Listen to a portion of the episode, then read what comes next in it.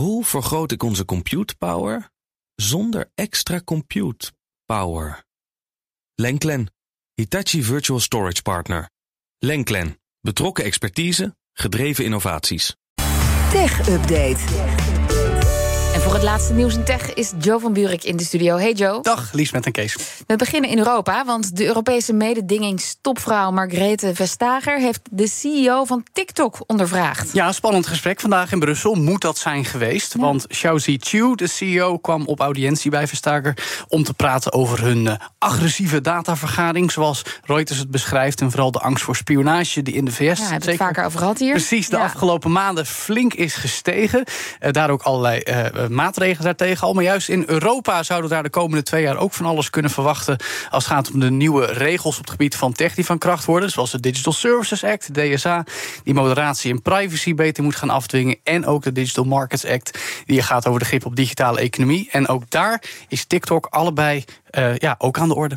Maar goed, dat zijn de thema's. Maar waar ging het dan precies over? Nou, dat is jammer genoeg lastig te zeggen, want er is weinig over dat gesprek naar buiten gekomen. We weten dus ook niet bijvoorbeeld hoe streng de toon van het gesprek is geweest. Mm -hmm. Want ja, zeker met wat er in de VS allemaal aan krasse taal wordt geuit over TikTok, zou je verwachten in Europa ook. Maar dat lijkt mee te vallen. Er is wel een iets wat sumiere verklaring van een woordvoerder van de EU vanuit Brussel gekomen. Die zegt dat het doel van het gesprek uh, vooral was het tegen het licht houden van hoe TikTok nu met bijvoorbeeld die DSA bezig is. Maar ook de huidige privacywetgeving, GDPR, die wij kennen als de AVG ja. in Nederland, is benoemd van goh, ja, uh, hoe voldoen jullie eraan? Nou, als ik TikTok was, zou ik zeggen, daar voldoen wij aan. Maar goed, uh, in de verklaring werd wel, en dat is interessant, Lisbeth, subtiel verwezen naar de vraag of TikTok dat echt voldoet.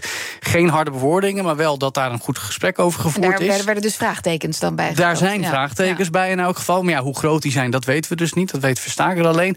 En gezien de berichten die vorige maand nog in Amerikaanse media verschenen... dat notabene journalisten zelf door TikTok gevolgd zijn op basis van locatie... en dus wel degelijk meer data verzameld, gebruikt en doorgespeeld wordt... dan ja, zou mogen, uh, zijn er vraagtekens.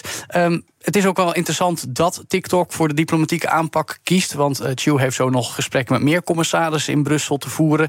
Uh, want die, ja, die, de fluwelen handschoen is in, VS, uh, is in de VS al niet meer aan te trekken. Daar zijn nu al 22 staten waar TikTok aan band is gelegd. Daar mag het al niet meer op de werktelefoons van ambtenaren staan. Precies. En ze hopen natuurlijk dat we in Europa niet zo ver ja. gaan. Maar ik ben benieuwd wat er de komende maanden gaat gebeuren. Ja. En dan Coinbase ontslaat uh, bijna duizend medewerkers. Weer ontslagnieuws? Ja, flinke klap. Uh, een vijfde van het personeel. Toch een flinke klap voor een van de grootste handelsplatforms voor crypto's. Uh, heeft zojuist de topman Brian Armstrong bekendgemaakt in een blogpost van Coinbase. Logisch gevolg als je kijkt naar de forse daling in waarde van veel cryptomunten de afgelopen maanden, eigenlijk afgelopen jaar. Maar als we teruggaan naar juni, dus iets meer dan een half jaar geleden, moesten er ook al 1200 mensen uit. Dus ja, inderdaad, de tweede grote ontslagronde daar. Uh, toen was de cryptowinter van het voorjaar pas net toegeslagen. Er moest FTX nog omvallen, zoals we weten, afgelopen najaar. Daar is ook nog de rentestijging bij gekomen... die het beleggen in crypto's minder aantrekkelijk maakt. En ja, logisch dus dat Coinbase flink moet snijden in de kosten... zegt Armstrong ook. 25% moeten die omlaag. Dat zien we trouwens ook bij andere handelsplatforms hoor. Want Kraken moest al 20% van het personeel naar huis sturen. En Genesis zelfs 30% onlangs. En daar komt nog bij dat Coinbase een flinke boete aan het broek kreeg. 50 miljoen dollar. Omdat er onvoldoende onderzoek is gedaan naar nieuwe klanten. Waardoor het bestrijden van witwassen moeilijker wordt. En ze moeten nog eens 50 miljoen investeren om controles te verbeteren. Dus het zal je niet verbazen dat het aandeel Coinbase in iets meer dan een jaar tijd ruim 80% gedaald is. Ongelooflijk. En een rekening gehouden wordt met een verlies van 500 miljoen dollar over 2022. Nou, dat zijn hele dieprode cijfers.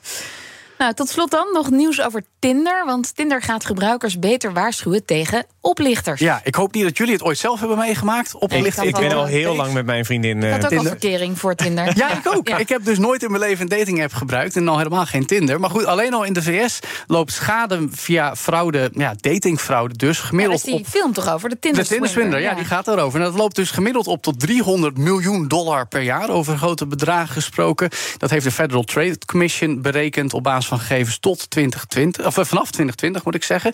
En dus komen er nu meer waarschuwingen in de app Tinder voor oplichters die daar actief zijn. Ook andere dating-apps van het moederbedrijf Matchgroup, moet je volgens mij denken aan Bumble onder meer, die zijn van hetzelfde moederbedrijf, gaan meer berichten delen richting gebruikers dat ze daarop moeten letten.